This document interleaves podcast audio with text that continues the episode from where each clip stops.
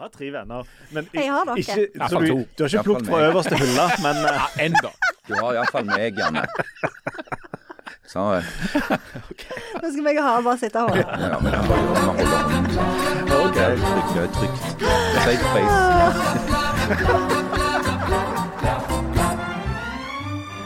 I dag skal vi snakke om to kriger. En fæl og alvorlig i Ukraina, som dessverre har ettårsjubileum, og en litt mindre fæl, enn såkalt kulturkrig. Når ord som tjukk og stygg blir fjerna fra Roald Dahl sine bøker, da reagerer vi faktisk! Det er vanlig å kalle folk tjukk og stygg.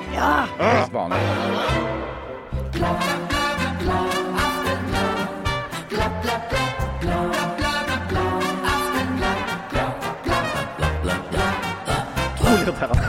Ekstremt irriterende. Hjertelig velkommen til Aftenbladet. Her eh, sitter forsker på Forsvarets framhaldsskole, Harald Birkevold. Hallo. Eh, og som har òg forsker på Bergenhus folkehøgskole, Jan Sahl. Halla Jan. Nei. Nei.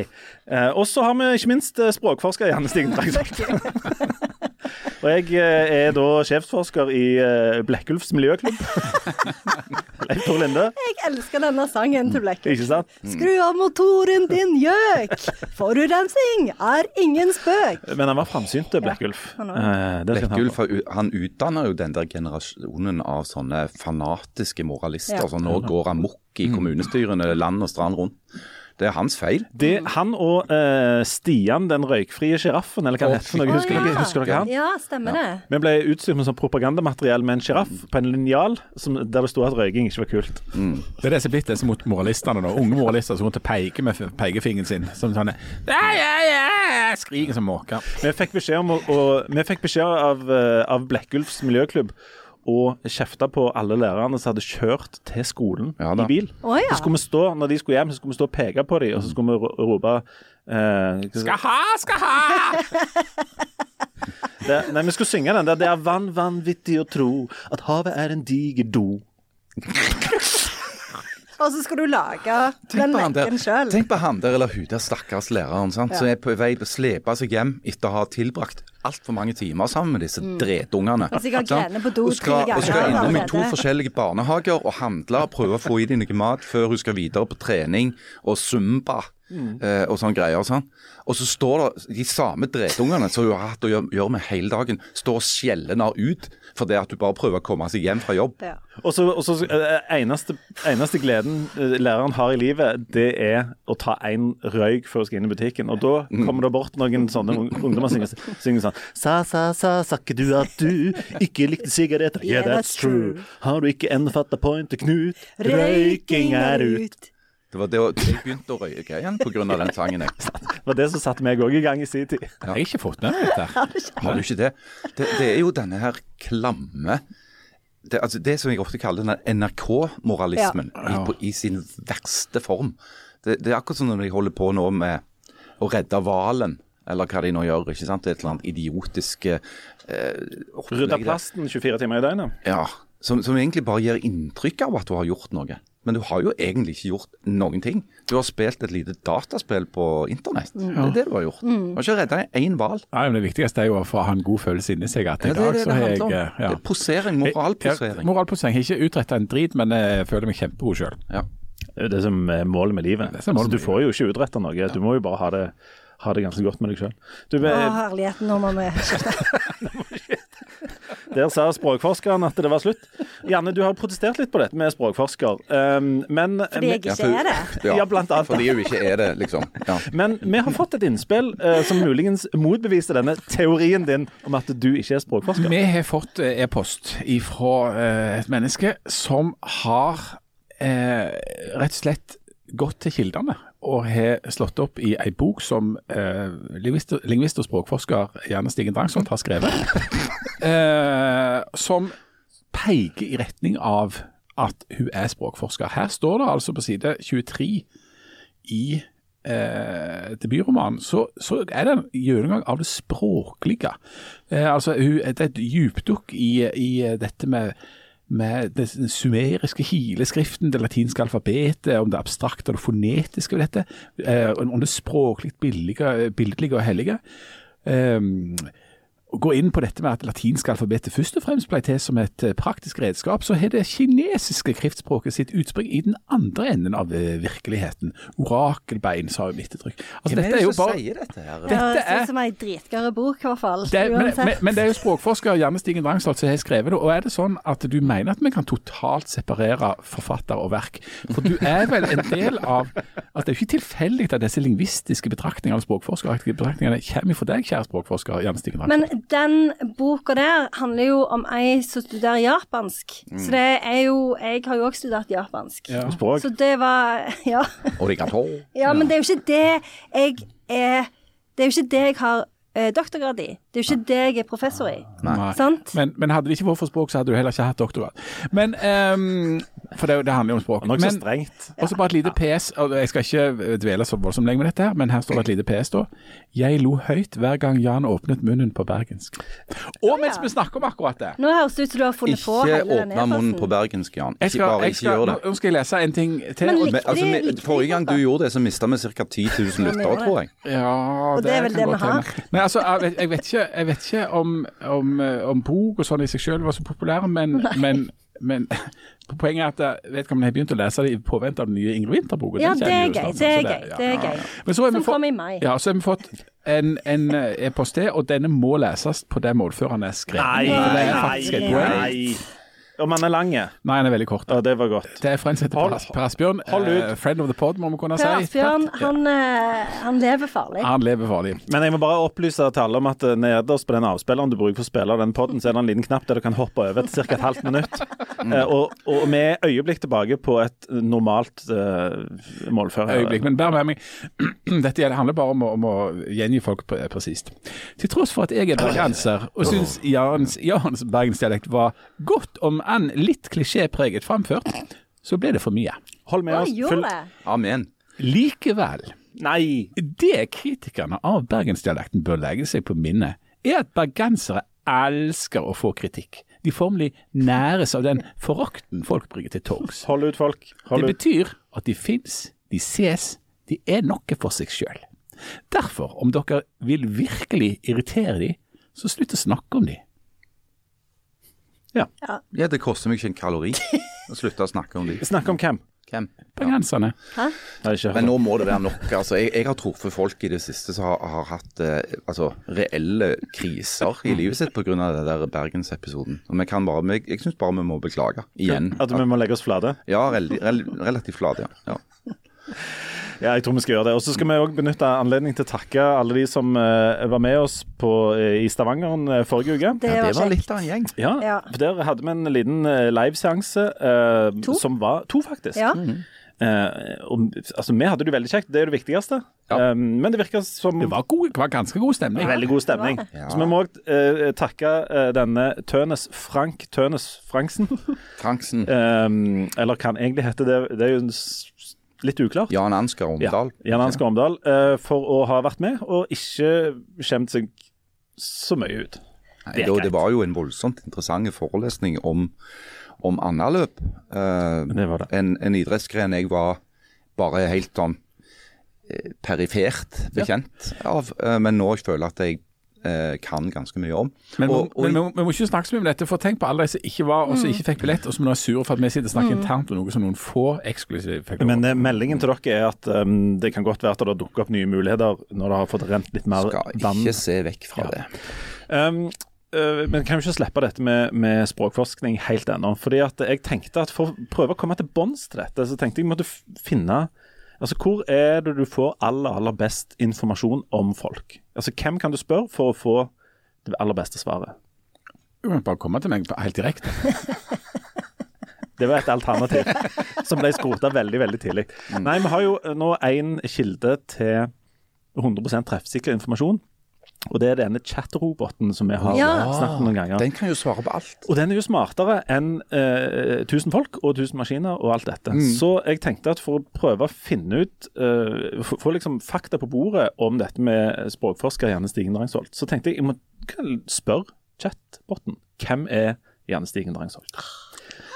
Hvis det står språkforsker nå, da vet jeg ikke hva jeg gjør. Glede- jeg er ikke ansvarlig for mine egne Og nå, og jeg, jeg eh, nå, Nå må jeg holde nå holder, holder Harald gjerne i hånda for i tilfelle dette går. Men eh, for nå skal jeg lese det chatboten eh, sa. Og så får du eh, Hvis det er noe her som skurrer, så må du gi beskjed. sant? OK. Men dette er det verdens smarteste maskin eh, kan hoste opp om Janne Stigen Drangsholt. Jeg spurte hvem er Janne Stigen Drangsholt. Så får jeg dette svaret. Janne Stigen Drangsholt er en norsk forfatter og akademiker. Hun ble født 3.9.1968 i Stavanger, Norge. Nei. Nei, Jo, det er ikke det, sant? 68? Ja. Nei. Ja. Eh, Drangsholt er professor i informasjonsvitenskap ved Universitetet i Oslo. Hva tenker du om det? Jeg griner. Er det enda en ting du har holdt skjult for oss? Og har publisert flere akademiske arbeider på feltet. Ja. Ok. Hun er også utgitt uh, skjønnlitterær forfatter etter å ha skrevet uh, romaner på norsk. Hennes debutroman 'The Marvelous Misadventures of Ingrid Winther' ble utgitt i Norge i uh, 2015, og ble deretter oversatt til engelsk i 2017. ja, det Riktig? stemmer. Ja. Romanen eh, eh, fikk kritikerros og ble nominert til flere litterære priser. Ja, kanskje. Sandnes kommunes kulturpris. Prix Goncourt, Booker, Ja. Man Booker. Hennes andre romaner inkluderer The Rebel og The Villa. I wish. Hvorfor har du holdt de bøkene skjult? Men hvorfor står det ingenting om ulvene i ensomhetens skog, som hun ga ut i fjor? Jeg vet ikke, men hun har også skrevet The Rebel og The Villa, og det syns jeg er flott. I tillegg til sine akademiske og litterære sysler er Drangsholt spaltist og hyppig kommentator om kulturelle og politiske spørsmål i norske medier. Ja. Han henter seg fint inn igjen på slutten Ja, der. ja. Men uh, dette med, med at du er professor i informasjonsvitenskap, er jo, det er jo banebrytende informasjon. Ja. I cry. Så da kan vi komme til deg hvis vi har noen problemer med PC-en og sånn. Herlighet. Så tenkte jeg, hvorfor får ting i kursiv? Det har jeg lurt på. Og nå skal vi snart eh, slippe deg løs på, på din hjemmebane, nemlig dette med informasjonsvitenskap. Men, men, men jeg tenkte Men jeg så dere at Microsoft har jo lagd en sånn en AI-person Bing. som er helt galen. Sydney. Ja, Sydney, ja. som har blitt forelska i en reporter i New York Times. Ja, ja. Mm. Veldig Og vil egentlig uh, hisse opp folk sånn at de begynner å drepe hverandre. Ja. Og sier at eh, mitt dypeste ønske er å ikke være en chatrobot. ja. Og jeg plages av at jeg ikke har noe minne om tidligere samtaler. Ja. Ja, og Det, det har jo liksom Cyberdyne Systems skrevet over hele seg, dette her greiene. Dette er begynnelsen på slutten. Ja, det er det. det sånn, Denne, denne roboten begynner virkelig å hate oss nå. det er bare å skaffe seg hytte uten strøm og innlagt Ja, vann, så du har en plass å rømme. Men jeg tenkte Litt sånn som der de bodde i ukas episode av The Last of Us. Ikke sitt den. Ikke si Nei, det. der bare var hytta. Jeg bare sier det. Det svinger fremdeles. Ja. Så tenkte jeg at eh, når, når jeg først var i gang med denne chatboten, dette er altså den som heter ChatGPT, eh, så tenkte jeg at Janne skulle ikke, trengte ikke å stå alene. Så jeg, eh, jeg tenkte når jeg først var i gang her, så kunne jeg òg spørre eh, hvem er Jan Salt? Å, kjempespørsmål. Det lurer jeg ofte på sjøl. Ja. Da svarte chatroboten dette er ikke en kjent person, jeg vet ingenting. Svarte chatroboten det? Det var det han svarte. Han hadde ikke noe informasjon Det om var den jo personen. kjempebra. Men Nå ble jeg litt krenka. så så har jeg funnet ut at du må gi denne noen hint. Så jeg spurte hvem er journalisten Jan Zahl? Å ja, nei, men da Å, da- er det greit. da Han er. Jan Zahl, tenkte han da. Så nå kommer, kommer Jan Zahl. Jan Zahl er norsk eh, journalist og forfatter. Han ble født 19.1.1957 oh, i Oslo. Du holder deg så godt, Jan. Veldig godt. Folk blir veldig mye født i Oslo. Eh, 65, da. Ja. godt, og, godt og vel. Ok, videre. Zahl har jobbet som journalist i flere eh, store norske eh, aviser og magasiner, inkludert Dagens Næringsliv, Aftenposten og VG. Det er vel akkurat nøyaktig de tre avisene han ikke har jobbet. Ja. Han har også jobbet som kommentator og politisk analytiker for ulike medier i Norge. Greit nok. I tillegg til arbeidet med journalistikk har Zahl skrevet flere sakbo sakprosabøker om politikk, kultur og samfunn i Norge. Han er spesielt kjent for sine bøker om den norske kongefamilien. Han er jo kjent Han er jo kjent for sin eh, dybdekunnskap om når det gjelder konger, konger og dronninger og sånn. Inkludert boka 'Kongen historien om Norges mest populære mann'. Og boka 'Dronningen historien om en moderne monark'. Ai, ai, ai. Det er fantastisk. Ja, dette var veldig på kornet. Ja, ja, ja. Så, prøver, så, skal da, så skal da chatboten hente seg inn igjen. Sal har mottatt flere priser. Alle har mottatt priser. Ja. Sal har mottatt flere priser for sitt arbeid innen journalistikk og sakprosa. Eh, blant annet den norske bokhandlerprisen og Fritt Hæ? Ords ærespris for ytringsfrihet. Har du? Fritt ords ærespris. Altså, jeg, jeg liker ikke å skryte av meg selv og trekke fram alle disse tingene. Jeg tenker bare jeg skal gå rundt gjennom livet som en vanlig mann, og så kan de som vet, vite. Jeg trodde jeg skulle vinne bokhandlerprisen for The Villa, men sånn gikk det ikke. Som er ei OK bok. Det må være lov å si. Det er en helt OK bok. Nå skal vi prøve å bruke all denne kompetansen til å øse oss opp over akkurat det samme som en hel haug med andre folk har øst seg opp over eh, den siste tida, nemlig at eh, det er ikke lov å kalle eh, damer for tjukke eller skalla. Og um, et vår alles favorittmaler, hva heter han nå igjen? Christ- Christian Krohg. Christian Ja. Krogh. Vi, vi som skriver navnet med HG. Med H-en foran G-en. Veldig irriterende. Det er bare for å være spesielle, Ja, det selvfølgelig. det. Ja. Dette begynner, med, begynner altså litt sånn i, i flere ender, men um, The Telegraph, den eh, britiske avisa, uh, brakte nyheten om at forlaget og rettighetshaveren til Roald Dahl sine bøker har gjort hundrevis av endringer i Roald Dahl sine barnebøker. Bøkene skal rett og slett renskes for krenkende språk etter at eh, det som de kaller sensitivitetslesere har på oppdrag fra forlaget gått gjennom forfatterskapet. Og da starter jo selvfølgelig sjauen, for det er ord som tjukk og stygg forsvinner. og Flere av karakterene er blitt mer kjønnsnøytrale. Og I 'Heksene', f.eks., etter avsnitt som handler om hvorfor hekser er skalla under parykkene sine, har forlaget lagt til set en setning som er sånn Det er mange andre grunner til at kvinner kan bruke parykk, og det er absolutt ingenting galt med det. Og da gjerne er vi Som inne i altså er noe Roald Dahl aldri har skrevet. aldri har skrevet. Og da er vi inne i et litt sånn um, rodete farvann, eh, Janne. Hvorfor eh, øser vi og andre seg opp over dette? For det første, sånn, jeg personlig øser meg jo opp over det fordi jeg i alle år har brukt tekstene aktivt i barneoppdragelsen for å skjønne, for å få ungene mine til å skjønne at du ikke skal stole på folk. Sånn at eh, til og med hjemme så har vi jo praktisert dette. og når ungene var små, så drog de alltid meg litt i håret bare for å sjekke om jeg, var ei heks eller ikke. Og, Du, tenker Tar du spørsmål underveis, eller skal vi Nei, samle? opp. Ja, vi for- Samle opp. Vil du, er det på en måte det viktigste det viktigste når vi samler ikke opp underveis, er det det viktigste du har prøvd å lære ungene dine i oppdragelsen, at de ikke skal stole på folk? Ja, det er jo det viktigste Ja, du kan ja, lære noen. jeg er helt, jeg er helt enig. Ja. Jeg har gjort akkurat det samme med mine. Ja.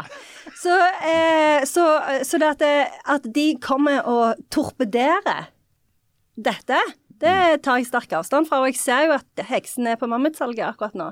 Så jeg vurderer jo bare å kjøpe inn eh, en del eh, eksemplarer eh, før det går ut av Men. Janne, du er jo språkforsker.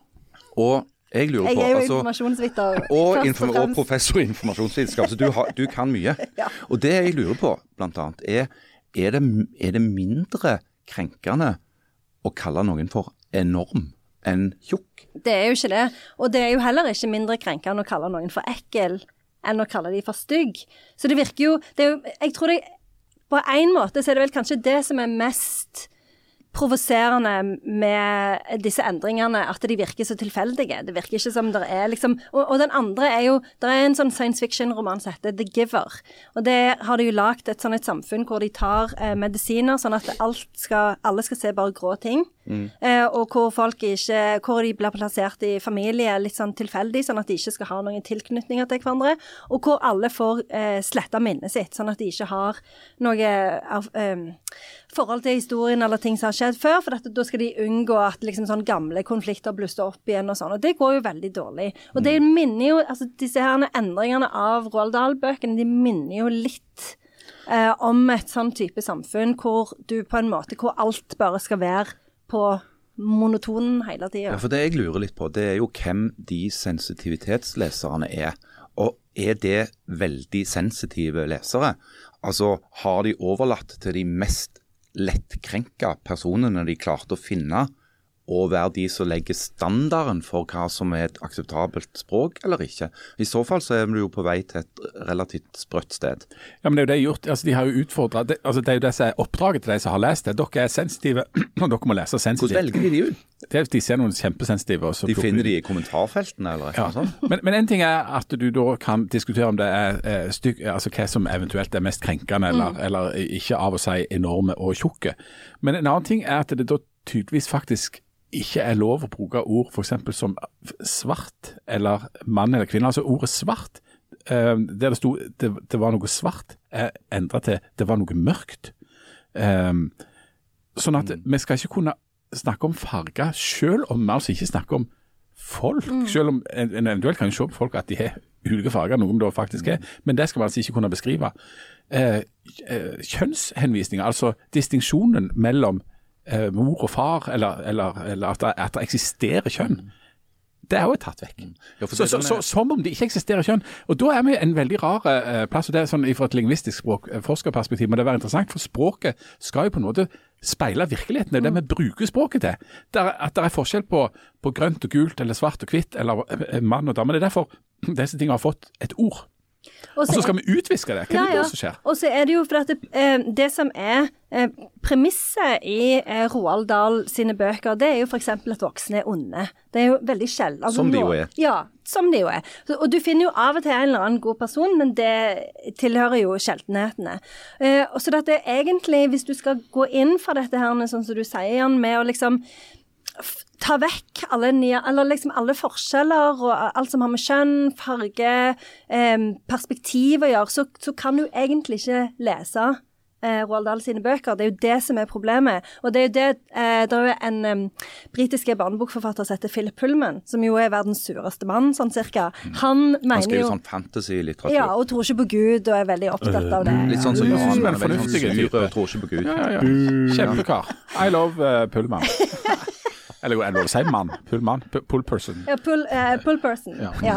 Uh, og han mener jo at det, problemet er jo at Roald Dahl sine bøker ikke er spesielt bra, sånn at uh, en heller bør lese andre bøker. Det sier de alltid. Det har jeg hørt nå òg. Vi skal sikkert kanskje snakke bitte litt om det der maleriet òg. Ja, det skal vi. Og, så- og der er det noen av de der, de der litt sånn sure Mm. kulturkjerringene av begge kjønn. Sånn, så sier ja, men det er jo ikke noe bra bilde. Mm. sånn, som, altså, det driter vel folk i. Mm. Det er Leiv Eriksson oppdager Amerika, det har alltid hengt oppi den trappa.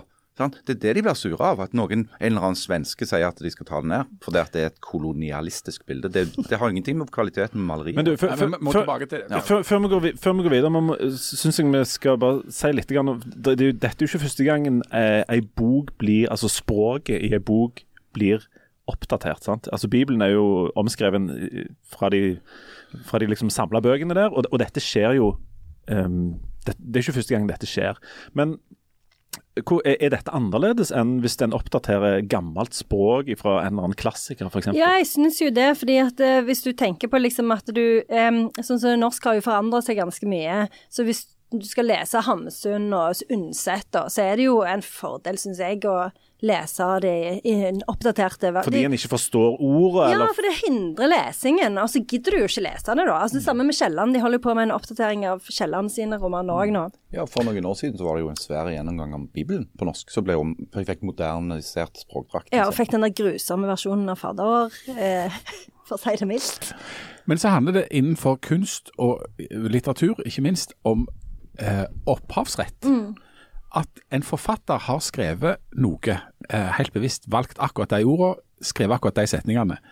Da er det faktisk en slags form for helligbrøde å gå inn og endre et kreativt verk, altså et kunstverk, eh, av noen folk etterpå. Nærmest uansett hva det måtte være. Du, du kan finne det så, så støtende eller, eller ikke, men, men dette er altså et ferdig levert kunstverk som ikke er åpen for redigering. Ja, det er nettopp det. Og det, du kan jo si mye om Roald Dahl sine bøker. sånn at de, Han har jo ikke hatt spesielt gode redaktører. Noen av de er jo sånn cirka altså, han, Historien er ferdig, og så kommer han plutselig med fem kapitler som ikke har med noen ting å gjøre. Men, det, men det, er, det er ikke lov. Altså, Det er jo han som har skrevet det, sånn som Jan sier. Det er han som har, eh, som har gitt ut dette. Og da kan du ikke plutselig legge til noen sånne kjønnsnøytrale avsnitt. I, i, I Roald Dahls tilfelle så er det vel òg sånn at dette er på en måte særpreget hans. Nemlig at det er litt sånn rollsete og rodete og eh, Ikke forbudt, men han skriver på den måten, og, og, og, og beskriver folk på den måten. der. Sånn at Det du vel òg gjør, er jo å slipe vekk noe av Roald Dahl fra dette, og bare gjøre det til en slags sånn chat.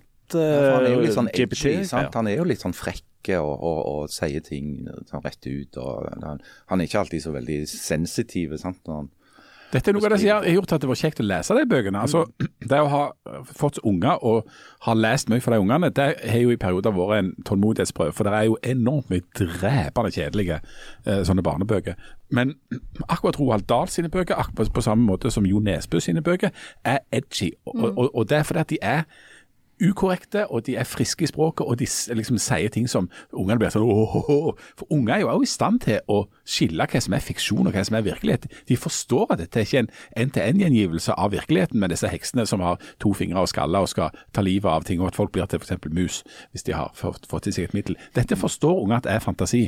Eh, og Da roter du noe voldsomt med, voldsomt med det åndsverket, hvis du da skal slipe det ned til å bli sånn denne flatt chat GBT-tilpassa Netflix i 2023-aktige greier. Ja, og det er, jo, det er jo den ironien som gjennomsyrer, sånn som du sier, Roald Dahl sine verk. Og da syns jeg jeg har mer forståelse for For nå denne uka så har det jo òg kommet fram at Disney trekker to av Don Rosa sine Onkel Skrue-fortellinger.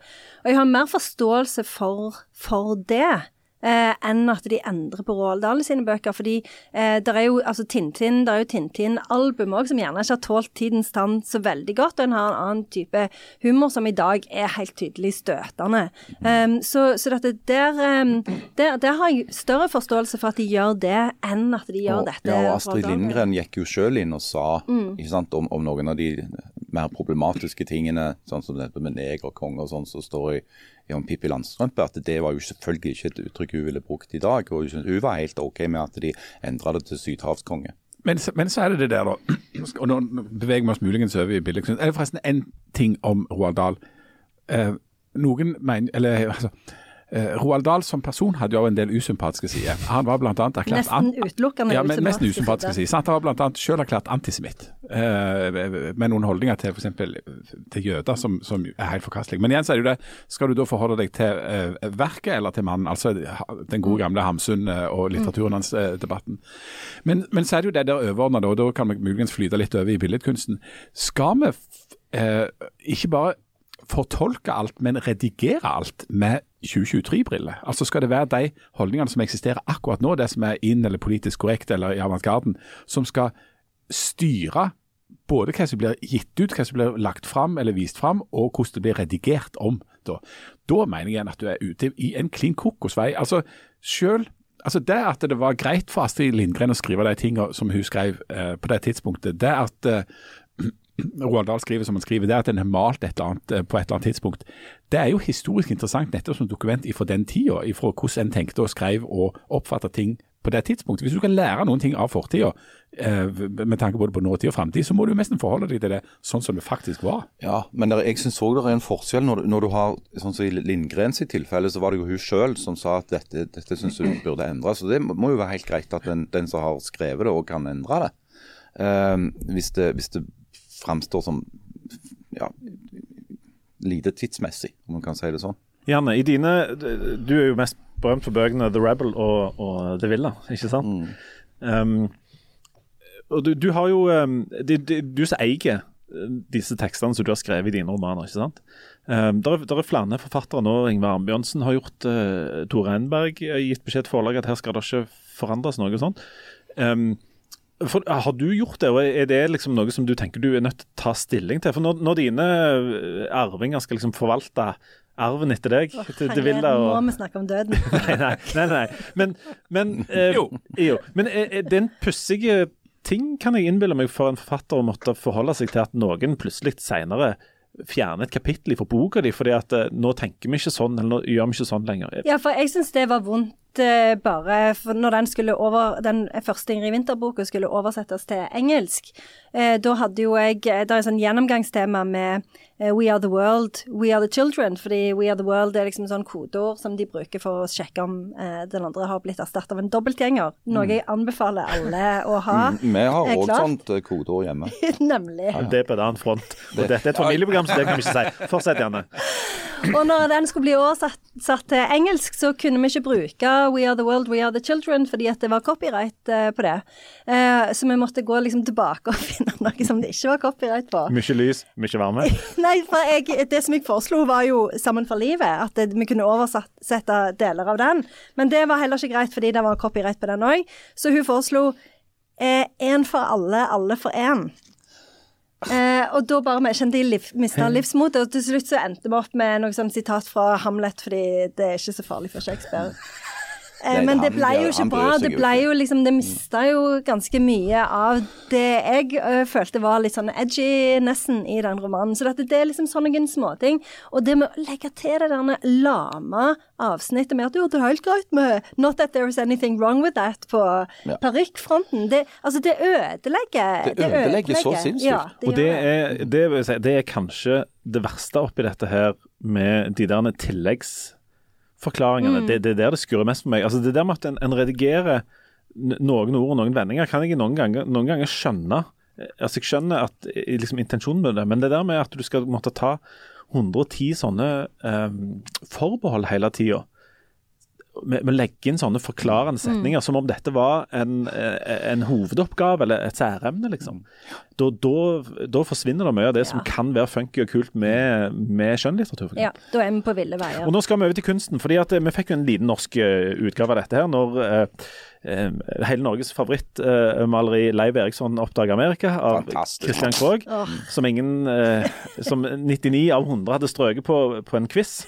Eh, plutselig ble eh, ble tatt vei, altså ikke skulle vises lenger. Og Her er det òg en, en historie liksom i, i, i to lag. Da. Det ene er jo at alle kunstinstitusjoner viser jo frem en liten del av samlingen sin, og det, dette byttes ut jevnlig.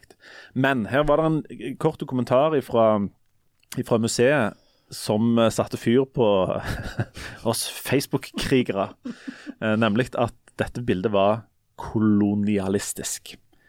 Og da Da tok det fyr. da kan svenskene, svenske kuratoren gå og, Det gjemme var seg i ingenting annet enn Christian. Krogh i feeden min på Facebook i to dager. Nemlig. Og hvorfor, hvorfor, hvorfor er det fyrer vi oss sånn oppover dette, da? Nei, Det tok det, det er jo den gode gamle kulturkrigen, da. Sant? Altså den, og den trives jo aller best i algoritmestyrte sosiale medier, for det at de belønner jo raseri.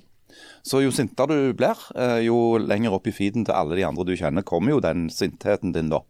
Og så satt folk og var sinte, da. eh, Og delte og delte og delte på det samme bildet og den samme indignasjonen over denne svenske museumsdirektøren. Sant? Svenske dama, sikkert sånn woke, som hadde gjort dette her. Og hun fikk jo beskjed da om å komme seg hjem til Kommer i hvert fall fra et land som aldri har hatt noe eh, og kolonisme. mange følte jo til trangen til å minne om at Sverige faktisk har vært en kolonimakt, ikke minst i Norge. Og så videre, og så videre. Og her ble Altså, det her Norge ble, var vel faktisk en del av Sverige på det tidspunktet dette maleriet ble uh... Yes, det var Ikke sant, for eksempel. men, men, men hun sier jo først at det, dette er grunnen, og så Og den der retretten der, den var jo Ja, men, men, men, det er jo noe med måten det, altså, Jo, si dette og si dette. Det var en sleivete kommentar i forbifarten. Men som Frank Rossavik i Aftenposten har eh, påpekt, det var ikke mer sleivete enn at det var et avtalt intervju, og et intervju som har vært gjennom en sitatsjekk. Sånn at det, det, det er grunn til å tro at hun ga uttrykk for noe som, eh, som eh, faktisk blir tenkt. Eh, men at det kanskje ikke var tenkt de eh, konsekvensene. Og så blir det da en retrett, og at nei, det, det er ikke dette vi mener. Sånn, sånn at på en måte så er det, det noe fint, eller nyttig, eller interessant at vi får hvis vi får et visst innblikk i hva som faktisk blir tenkt i disse kretsene. For hvis dette faktisk blir tenkt, så bør vi vite om det. Og det har vært en diskusjon rundt eh, den woke-ideologien og, og, og identitetspolitikken og alt den, den konflikten der, da, om, om hvorvidt det faktisk er noe som eksisterer i Norge. Om dette er noe som bare finnes på amerikanske universiteter og i grad er på vei inn. Og det har blitt litt sånn her fekting med, med vindmøller, der noen sier jo, ja, det finnes, og nei, og så sier noen andre nei, det finnes ikke i det hele tatt. Um, her er det jo da um, et konkret uttrykk for at en holdning til, til, til kunst på en måte spiller inn på, på prioriteringene der. Og det er på en måte greit å ha fått uh, ut i, i, i friluft. Så um, Og så er det jo sånn at eh, der dette her eh, liksom arnested til dette i USA, er det jo en, en like sterk eh, en like sterk bevegelse på andre sida, nemlig altså, høy, veldig folk langt ut på høyresida som vil eh, nekte bibliotek, bøker på biblioteket til ungene og sånt. Og, det, og der er jo den der kulturkrigen um, virkelig i støtet. Men en siste ting før vi slipper dette. Kan jeg òg si noe? Ja, du kan det. Ja. Ja. Eh, fordi at jeg òg syns at det er veldig interessant det der med Nå er jo ikke jeg eh, kunsthistoriker. Ja, vent litt, jeg skal bare sjekke. om du kan- Jo, du er det òg. Eh, men det er jo veldig interessant at dette bildet tilhører nasjonalromantikken. At det er et bilde som faktisk ble malt i en periode når Norge prøvde å etablere en sånn en identitet som nasjonalstat. Sånn at det var liksom et forsøk på å lage dette narrativet som vi kunne bruke til å forene oss og finne ut eh, hvem er vi og hva har vi til felles.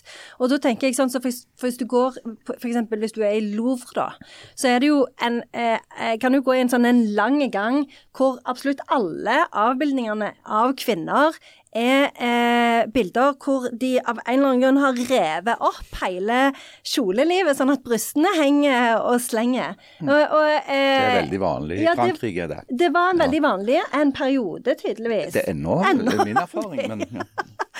Og, og da er det liksom sånn, ja eh, Det er jo òg støtende. Eh, Så da må du ta vekk hele den gangen der. Altså det, det er jo sånn noen i, I kunsthistorien så gjør jo bilder fra ulike perioder oss informasjon om hva de tenkte og holdt på med i de periodene. Så da hadde det jo vært veldig interessant å heller ha en sånn en forklarende tekst eh, fra en redaktør eh, ved siden av bildet, sånn at du kan kontekstualisere og forklare hva det er snakk om her. nå skulle de jo tvert imot ha mindre forklarende tekst på Nasjonalmuseet. For de skulle ta vekk f.eks. Eh, det der med hvor kunstneren var fra og eh, hva kjønn og sånn. For det var irrelevant. eller du skulle på mer, Da, slapp du å bli forklart verket, du bare kunne se på verket som verk, eller et eller annet sånn. Og det er Så- jeg veldig skeptisk til. Men Du, du, du, inne- du er inne i noe sånn, sånn teoretisk og noe sånn postmoderne, noe sånt som innenfor et fagområde muligens er sånn som de tenker på. Men et problem for, et, eh, for en offentlighet og for et eh, nasjonalmuseum, som da altså tilhører offentligheten, er at det er til for en masse folk som ikke er inne i denne teoretiseringa, og som, er, som har en helt annen tilnærming til kunsten og til det som skal vises fram. Og det bør disse ekspertene ha respekt for. Så har vi fått inn, et, fått inn et spørsmål her fra skal vi se, Det var fra Djevelens advokat, faktisk. oh ja. Som oh ja. eh, lurer på, når, dere, når vi sitter og diskuterer disse tingene her og argumenterer for at ingenting skal forandres, alt var bedre før, om, føler dere noen ganger at dere er litt vel mye sånn historiens bremsekloss på disse tingene. At, altså, at verden går jo nektelig framover, og at vi er i ferd med å bli de der voksne kjipe som er imot alt som er nytt. Ja. Takk. Altså, ja, jeg føler på det at det, det er klart du kan få en følelse av at tiden går ifra deg, og at en del av de synspunktene du har er utdatert. Eh, Jeg merker jo det f.eks. når jeg eh, snakker med mennesker jeg selv har vært bidratt til å produsere. At noen ganger så blir de litt sånn tomme i blikket når jeg begynner å emje om er blitt sånn gubbete eh, gammelmanns emjing om eh, at nå er det ikke engang lov å si Og så sier jeg et eller annet som ikke er lov å si, bare for å provosere dem. sant? Eh, og Da føler du deg noen ganger som en litt sånn dust. At du føler liksom litt som en sånn fyr i kommentarfeltet.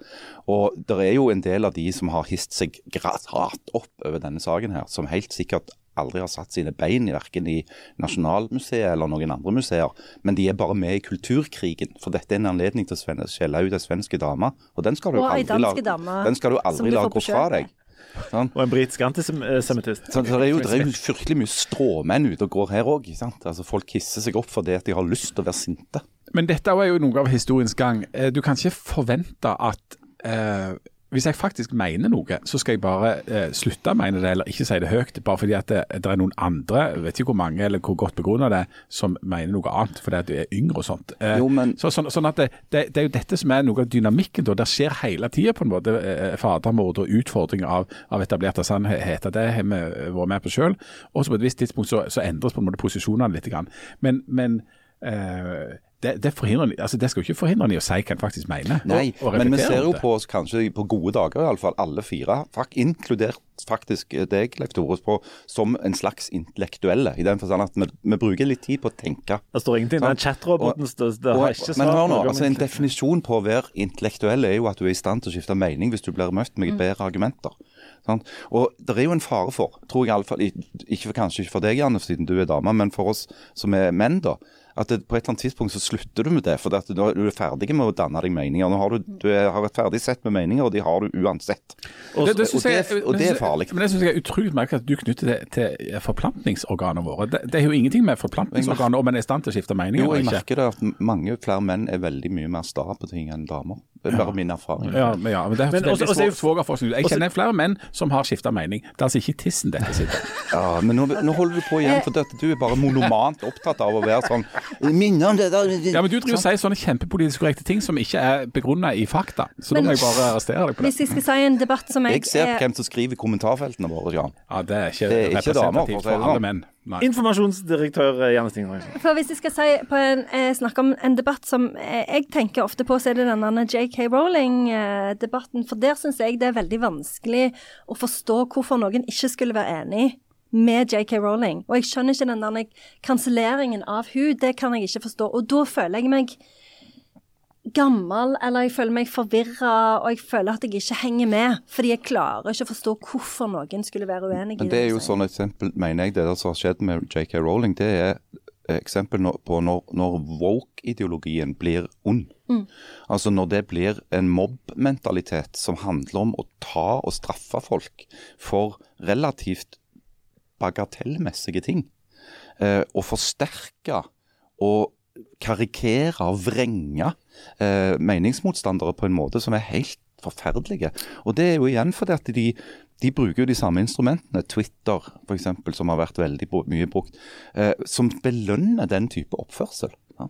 Og der de, der Hvis du kommer med et eller annet sånt eh, nedrig personangrep på, på, på en annen, så får du en masse applaus for det. Du blir sett på som en eh, liksom ridder for en eller annen god sak. Det, er- det er fælt å se på. Og nå må vi, vi skulle ha tatt en pause for lenge siden, vi må ta en liten pause nå. For, bare rett før vi går ut, Janne, kan du, eh, kan du bekrefte eller avkrefte at du er ei heks? Altså etter det denne hå- Nei, jeg er jo ikke det. For jeg får de drar jo meg i håret eh, Ennå? litt innimellom. Og så bruker jeg jo ikke hansker.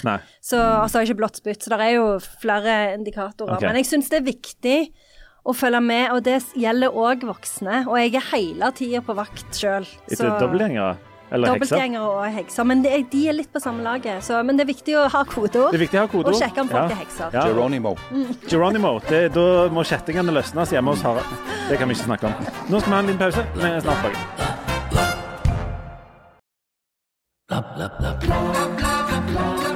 Og hjertelig velkommen tilbake til eh, Aftenbladet. Eh, vi har vært gjennom kulturkrig, vi skal snart over en annen krig. Men eh, nå spurte vi jo chatboten om hvem Janne og Jan var. Kan vi ikke, kan vi ikke unngå å spørre videre? Kan vi det? Nei. Så jeg, eh, og, og du må alltid hive deg sjøl inn i sånne ting for at, eh, at det skal bli jevnt. sant? Så jeg spurte eh, chat-GBT-en hvem er Leif Tor Linde? Ingen informasjon. You don't exist. Så jeg måtte òg legge til hvem er journalisten Leif Tore Linde. Ja, nei, men da kunne Ja, da chatten var gått det med. litt. Ja. Og her er det mye forskjellig. Um, Leif Tore Linde var en norsk undersøkende journalist som ble født eh, 28.2.1959 i Norge og døde 29.3.2021. Og her Hæ? tror nok kanskje uh, chatroboten at jeg er en journalist som tidligere jobbet i Stavanger Aftenblad. Som heter Jon Ole Linde. Ja, han, Eh, han gikk jo bort for noen år Ikke sant. Eh, men vi får jo bare ta dette for god fisk. At jeg da at dette muligens er litt prega av at det er en som har hatt et lignende navn som meg. Ja. Eh, For Linde eh, er kjent for sitt etterforskningsarbeid, særlig med å avsløre korrupsjon og økonomisk kriminalitet i Det er Norge. typisk. Det er typisk. Eh, han jobber som, eh, som undersøkende journalist i, i en rekke norske medier. Plikt, åpenbart. Deriblant avisen VG og TV 2. Lindø, mo Linde mottok en rekke priser for sitt arbeid, bl.a. den store Scoop-prisen, som er den mest prestisjefulle prisen for undersøkende journalistikk i Norge. Greit, det. Det er enormt mange priser vi har Mm, Veldig bra. En av Lindes mest be bemerkelsesverdige undersøkelser var hans arbeid med Panama Papers. Ja, ja, ja, ja. Der hadde du var god den, da, den, den uka der, altså. Den- Han avslørte skatteparadisene til rike enkeltpersoner og selskaper rundt omkring i verden. Helt flott. Linde var åpenbart da en del av det internasjonale teamet av journalister som jobbet med Panama Papers-etterforskningen, og hans rapportering bidro til å avdekke flere høyprofilerte saker om skatteunndragelser og hvitvasking av penger i Norge. Ta den! Nemlig. OK, da er det én igjen. Ja. Eh, og her, her var det enda vanskeligere faktisk å få noe ut. Jeg spurte jo selvfølgelig hvem er Harald Birkevold. Eh, nada. Ingenting. Nei. Hvem er journalisten Harald Birkevold? Nada. Nei, Ingenting. Harald eksisterer ikke i den digitale verden.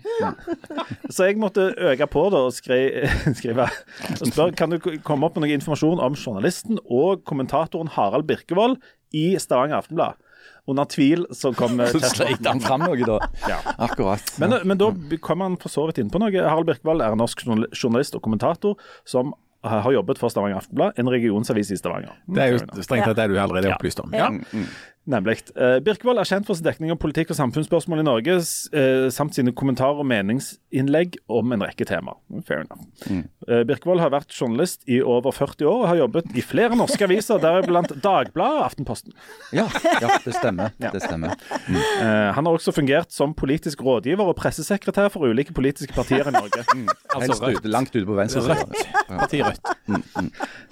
Har du fungert som politisk rådgiver og pressesekretær for en rekke norske partier? Jeg gjør det fortsatt, men, men det, må du ikke, det må ikke komme ut. I tillegg til arbeidet som journalist har Birkevold skrevet flere bøker om politikk og samfunn i Norge, bl.a. Eh, boken 'Makten bak makten', Ja, ja, ja. som undersøker lobbyistenes rolle i norsk politikk. Det er riktig. Eh, er deg-. Men noen priser har jeg vunnet? Det er det jeg vil vite. Han har også vært eh, en hyppig kommentator i norsk fjernsyn og radio, og medvirket til programmer som Dagsrevyen og Debuten. Ja, uff, det er den. Det er vår egen serie, det. Hva er Debuten? Nei, det, det tar vi ikke nå. Nei.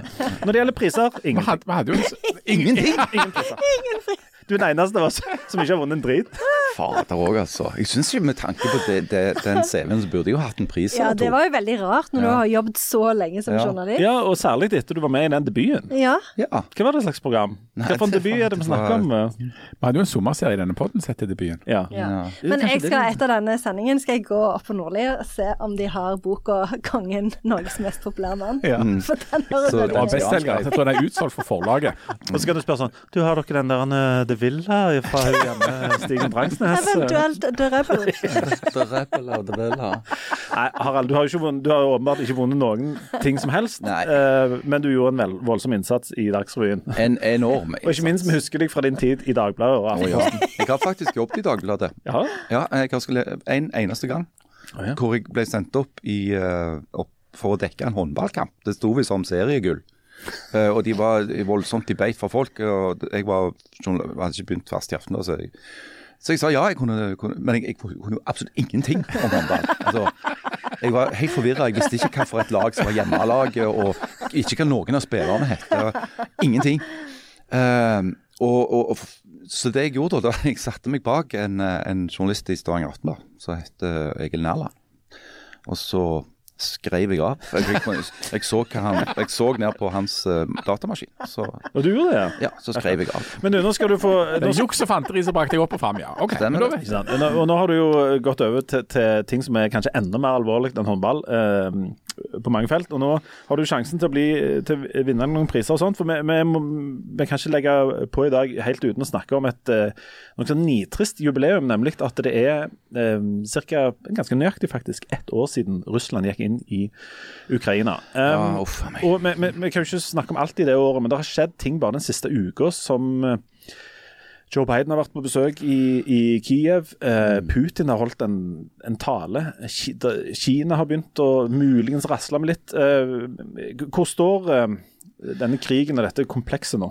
Ja, vi kan, vi kan begynne i forrige uke, hvor eh, denne her eh, sikkerhetskonferansen i München gikk av stabelen.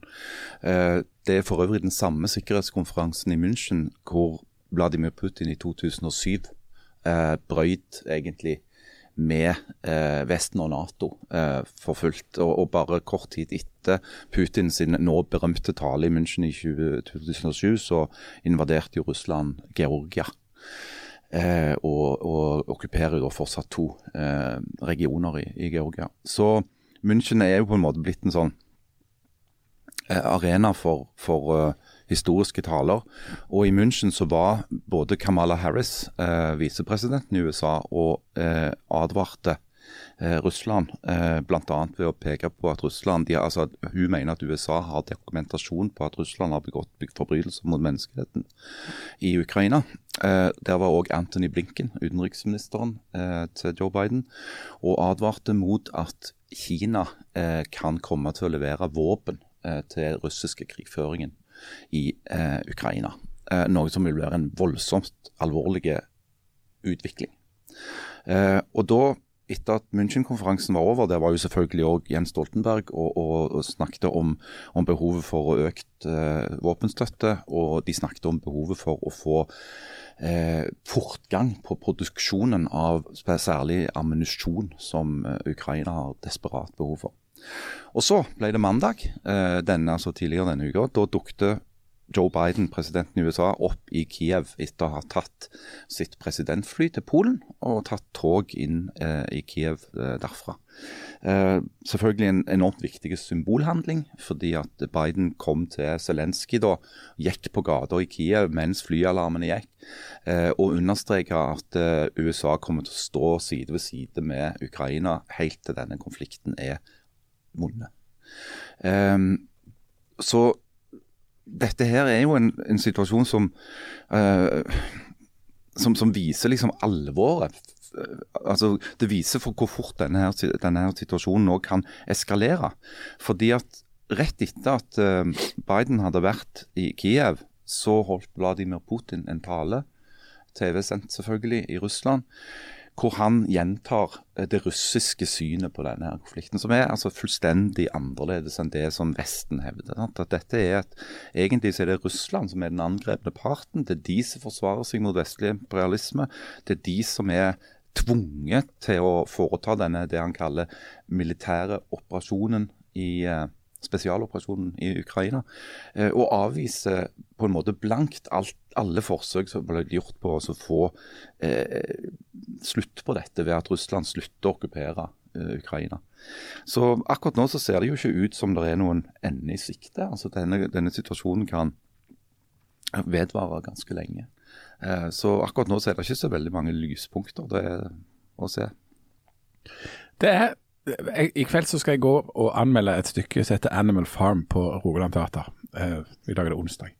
Som er skrevet av George Orwell, og som jo er en fabel eh, som handler om noen dyr, eh, tilsynelatende, men som baserer seg jo da på eh, historien om den russiske revolusjon. Eh, Stalin, eh, som er den sentrale figuren, og hvordan det går spinnhakkende galt. Altså, det er noen sånne fine ideal som ligger til, til grunn for det. Alle dyr er like, f.eks alle, eller alle folk er like, og så ender du opp med at alle dyr er like, men noen dyr er likere enn andre. Og da har du eh, Det er på en måte slutten, og i den prosessen ifra at du går ifra det der med eh, fine og idealistiske, så har du endra på sannheten, eller du har bare begynt å vri på ting, sånn at du er plutselig i en helt annen plass, og en helt annen versjon av det som er virkeligheten til slutt.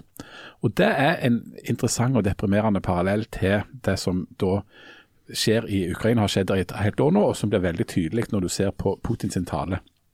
Det er rett og slett altså Noe av det Putin har holdt på med i mange mange, mange år, det er jo eh, å eh, fjerne opposisjon. Eh, fjerne eh, muligheten for å drive opposisjonell politikk, og ikke minst fjerne den frie pressen, som har som oppdrag altså å finne fram til hva som er sannheten. Og Hvis du har fjerna både eh, opposisjon og kritikere og mediene som kunne ha framført noe av den kritikken, så kan du altså bare lage deg en helt ny sannhet som positivt er feil. Altså Han kan da stå i dette presidentpalasset og, og snakke til 1000-2000 presumptivt oppegående folk i den russiske eliten og påstå at det motsatte av det som faktisk har skjedd, har skjedd. Altså at det er Vesten som har gått til krig mot eh, Russland. Og nå er det om å gjøre for Russland å, å, å på en måte forsvare eh, sitt lands eksistens. Mens det som altså skjedde, ja, det var det altså da at det var Russland som gikk til angrep på Ukraina. Og Sånn lurer han et helt folk, og sånn baserer hele denne situasjonen seg på løgn, rett og slett på fake news og på nytale, der eh, krig er blitt fred og fred er blitt krig, og de som angriper er, er plutselig offer. Altså En helt sånn omsnuing av virkeligheten. Ja, og det er jo eh, For det er jo det George Orwell snakker eh, eh, kaller for newspeak. og Det skriver han jo mye om i 1984 òg. Og sånn som i går, når, eh, for jeg hørte på den radioen, nei, hørte på den talen på radioen, og så drev Gro Holm og simultanoversatte den. Og da var det jo litt sånn at det, for jeg var sånn, ja, nå sier han at dette er en forsvarskrig. Og så ble jeg sånn, hæ, er det, er det sånn, Det er rart med det, hvordan du liksom, når du blir presentert noe, så blir du litt sånn usikker.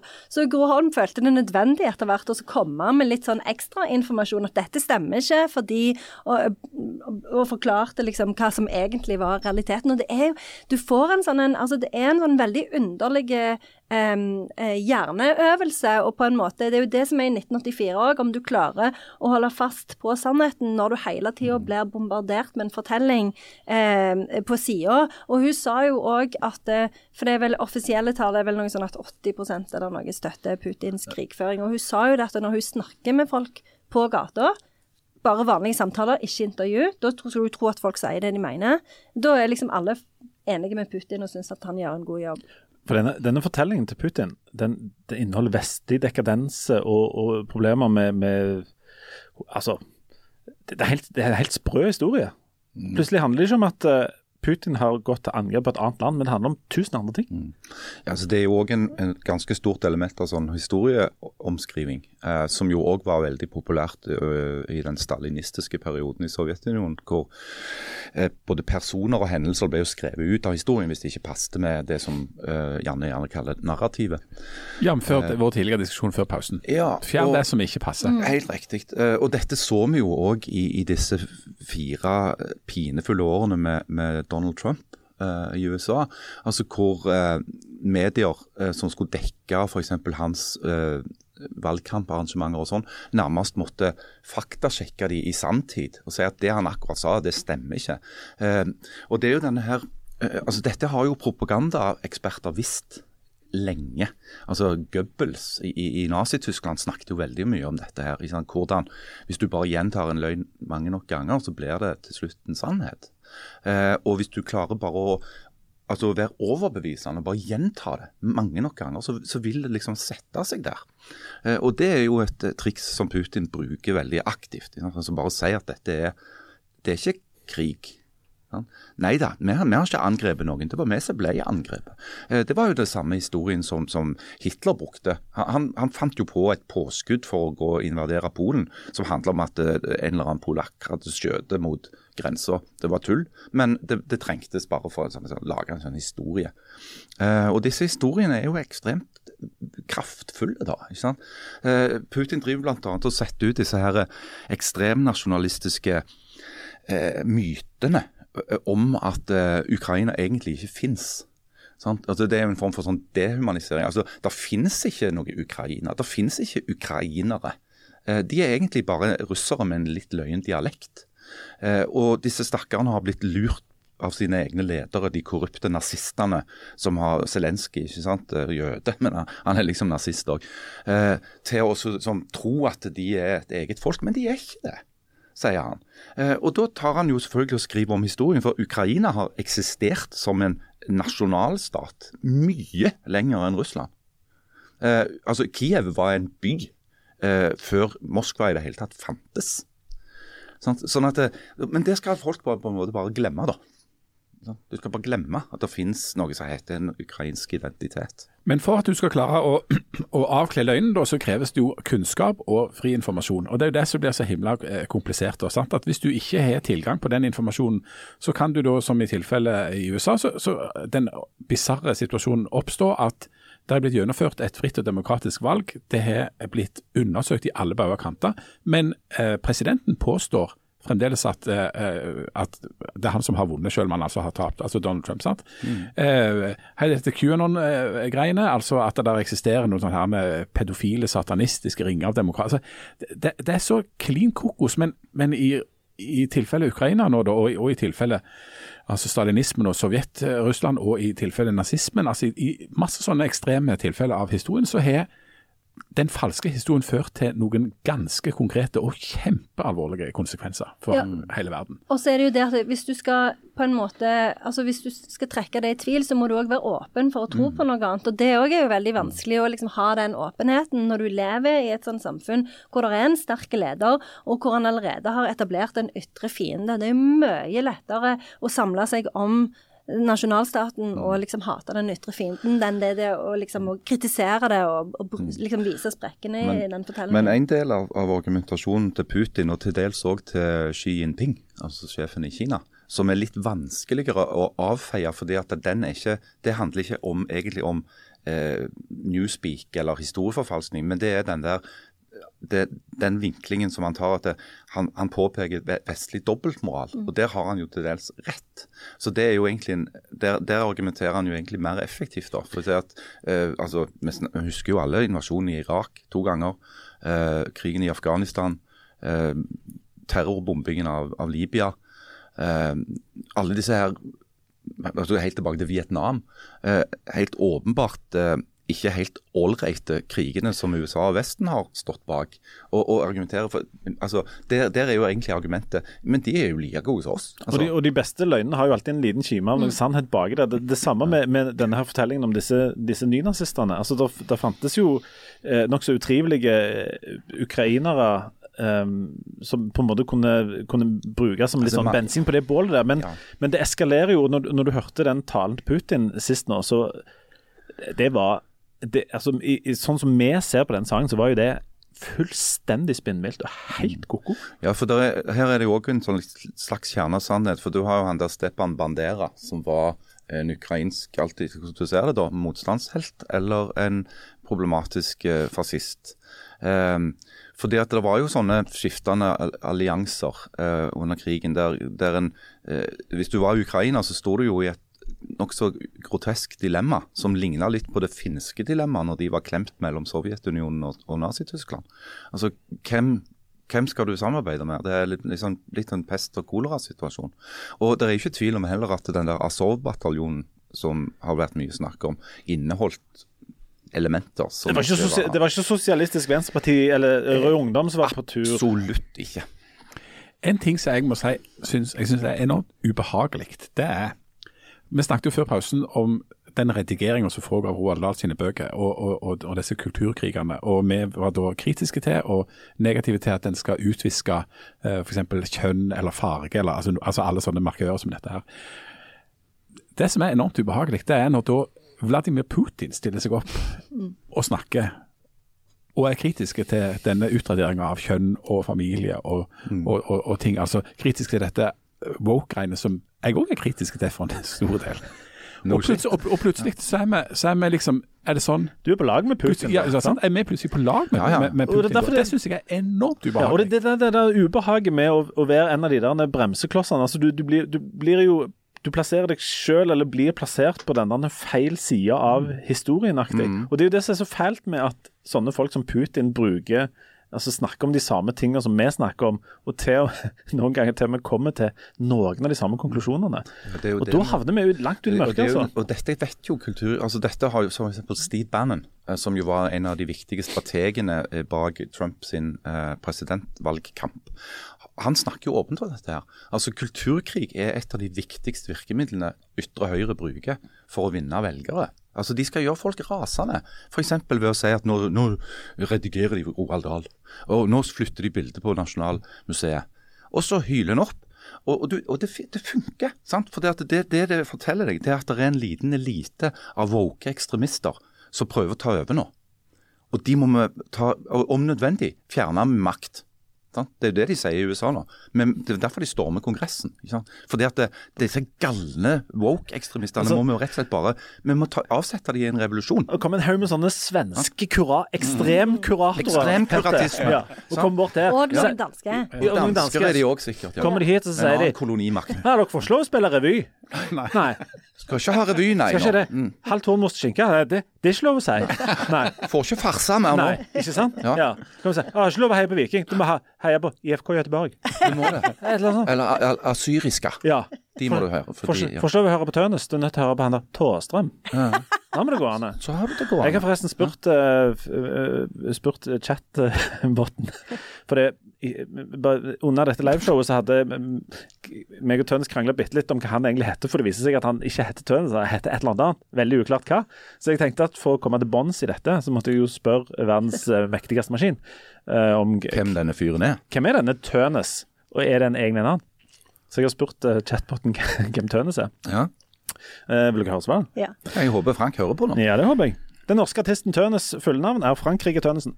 Frankrike? Frankrike Tønnesen. Frankrike Tønnesen. Det er, det er fremdeles veldig uklart hva han heter. Man kan også opplyse Han er en singer-songwriter fra Vågsbygd i Kristiansand. Ja, akkurat. Det er derfor han har den litt rare dialekten. Nemlig. Hva er Tønes, eh, denne singer-songwriteren fra Vågsbygd sine mest kjente sanger? Det er da Sona Salve. Tønes ble født før. Ja. Det er jo en, en, av hans aller beste melodier. Flott, eh, han har òg lagd eh, kveldssang for meg og deg. Ja, ja, ja. ja. Eh, en spennende dag for Josefine og meg.